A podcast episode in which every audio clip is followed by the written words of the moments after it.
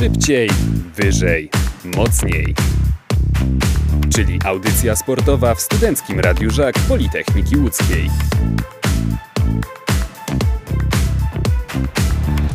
Cel jest prosty. Wygrywa ten, kto najszybciej dojedzie do mety i, czy, czy, czy powiedzmy mm, w ciągu y, y, 24 godzin, tak jak w Le Mans, pokona y, największy dystans.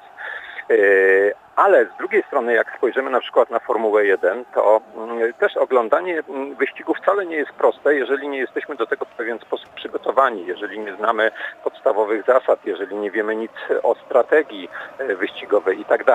A więc ym, ym, przyznaję oczywiście, że wyścig Le Mans jest, ym, czy w ogóle wyścigi e, wytrzymałościowe, wyścigi endurance są jeszcze mm, dużo trudniejsze i dużo bardziej skomplikowane pod tym względem. E, Tu w ogóle nie ma, nie ma co dyskutować. E, I rzeczywiście klasyk. e, Tak naprawdę klasy są dwie, bo jest klasa prototypów i samochodów GT.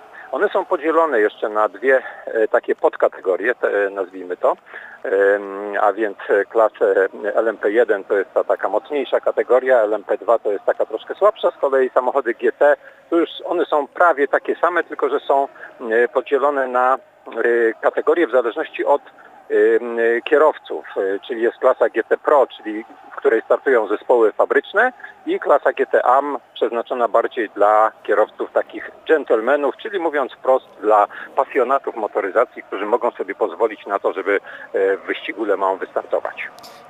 A właśnie jeśli jeszcze mm, poruszymy temat y, kategorii i tych klas, y, to od przyszłego roku organizatorzy y, planują zmiany odnośnie y, samochodów, które wystartują jako ta najważniejsza klasa. y, I mm, LMP1 mają zastąpić tam y, hipersamochody, prawda? To jest jeszcze bardziej skomplikowane, bo na razie ma to być klasa LMDH, czyli Le Mans Daytona Prototype, czyli e, oj tu znowu, tu, tu, tu żeby wyjaśnić to trzeba by się zagłębić w bardzo długi i skomplikowany wywód, ale generalnie mm, można najkrócej powiedzieć tak, że mm, wyścigi długodystansowe to są takie dwa różne światy. Jeden świat jest e, w Europie i powiedzmy i okolicach, chociaż nie tylko, a drugi świat to są wyścigi amerykańskie. Mm, I zdecydowano, ponieważ wyścigi mm, w- e, w Stanach za oceanem cieszą się bardzo dużą popularnością, to właściwie wszystkie kategorie, postanowiono połączyć te dwa światy i stąd właśnie mm, postanowiono połączyć kategorię IMSA z kategorią, mm, z kategorią LMP 1. I ma w ten sposób powstać kategoria e, LMDH, czyli LM od Le Mans, D od Daytona, H od Hybrid, czyli hybrydowa. E, Natomiast hy- hypercary mają dołączyć do, do stawki jeszcze później, bo w roku 2022. A tam jeszcze e, organizatorzy planują wprowadzić w 2024 e, samochody bodajże na wodór napędzane. Jak, co, to, co to ma być za odmiana? To jest kolejny temat. Samochód wodorowy był przygotowany do debiutu w Le Mans, oj żeby nie skłamać, nie wiem czy nie w roku 2012 czy 2013, i- ale potem ten projekt zarzucono.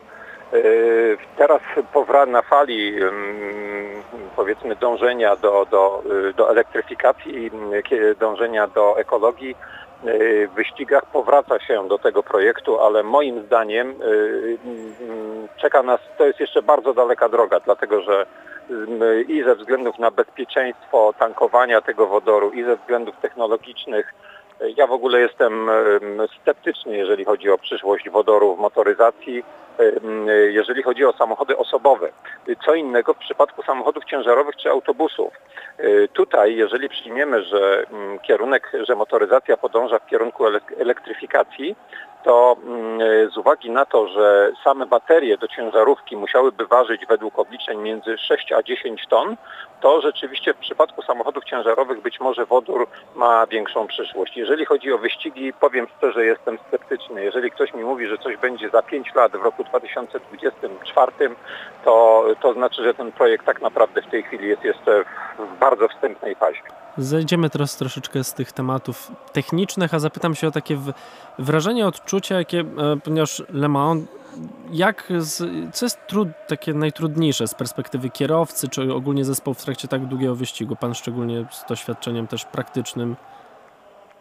Jakby mógł coś tam wspomnieć. Przepraszam, mogę prosić o powtórzenie pytania, bo coś mi przerwało. A co jest takiego najtrudniejszego z perspektywy kierowcy czy zespołu w trakcie tak długiego wyścigu, jak e, właśnie Le Mans? W Le, Mans wszystko jest trudne. E, trudne jest, e, ale ja myślę, że najtrudniejsza jest kwestia strategii, e, ponieważ liczba czynników, liczba zmiennych, która jest do wzięcia pod uwagę, jest naprawdę ogromna, jest po prostu szokująca. Pogoda, nieprzewidywalność sytuacji na torze, e, fakt, że część wyścigu przebiega nocą. E, naprawdę tych zmiennych jest, jest tyle, że, że jest bardzo trudno jest powiedzieć, co konkretnie jest najtrudniejsze. W końcówce czy, czy, czy nocą, powiedzmy nad ranem, bardziej właśnie nawet nad ranem niż w końcówce wyścigu, na pewno bardzo daje się wszystkim we znaki zmęczenie, zwyczajne fizyczne zmęczenie. E, I to zresztą widać w relacjach telewizyjnych, jak kto tylko może, to gdzieś kładzie się, kto tylko znajdzie jakiś kawałek podłogi, to kładzie się, e, żeby chociaż chwilę odpocząć i się przespać. Także myślę, że, że, że ten czynnik zmęczenia jest bardzo, bardzo istotny. I na koniec może takie, te, zapytam o taki polski akcent tegorocznego Le Mans. E, w LMP2 jeździł, je, jechał polski team, mm, Inter Europol Competition z polskim kierowcą Kubą Śmiechowskim. I jaki to był wyścig w ich, w ich wykonaniu? I czy mają szansę na jakieś sukcesy w przyszłości? Przede wszystkim bardzo się cieszymy, że po raz drugi z rzędu polski zespół wystartował w wyścigu Le Mans, bo w zeszłym roku, gdy Inter Europol Competition z Kubą Śmiechowskim wystartował, to był to w ogóle pierwszy przypadek e, w historii. Przedtem mieliśmy tylko polskiego kierowcę, e, ale polski zespół e, wystartował po raz pierwszy. Podobnie jak w roku ubiegłym niestety zawiódł sprzęt, zawiódł samochód i, to trzeba sobie jasno powiedzieć, dlatego że były zdecydowanie szanse na dużo wyższe miejsce. Tymczasem samochód Ligier Niestety okazał się mało, że mm, y, y, wolny, y, mówiąc wprost tempo było o dobrych kilka sekund na okrążeniu wolniejsze niż rywali, którzy jechali samochodami Oreka, to jeszcze zawodny. I dopóki wszystko szło zgodnie z planem, to nasza załoga jechała tam gdzieś w granicach chyba 12-13 miejsca w klasie tracąc stosunkowo niewiele do, do najlepszych, stosunkowo niewiele. Natomiast w momencie, gdy nad ranem samochód zaczął, zaczął się psuć, no to zaczął się dramat. Tam była wymiana tarczy hamulcowej, wymiana układu zasilania e, i coś jeszcze już nie pamiętam. W każdym razie łącznie chyba około 3 godzin samochód spędził w garażu na, e, na e, naprawach. I to przesądziło o bardzo o słabym wyniku, mówiąc wprost już są, są plany, aby na przyszły rok rozważyć zmianę samochodu albo otrzymać lepsze wsparcie i jestem przekonany, że jeżeli tak się stanie, to, e, to nasz zespół stać na dużo, dużo wyższe miejsce. I na tym zakończymy naszą rozmowę. Dziękujemy panu bardzo. Dziękuję bardzo. Dziękuję serdecznie. Kłaniam się. Dziękuję. Do widzenia.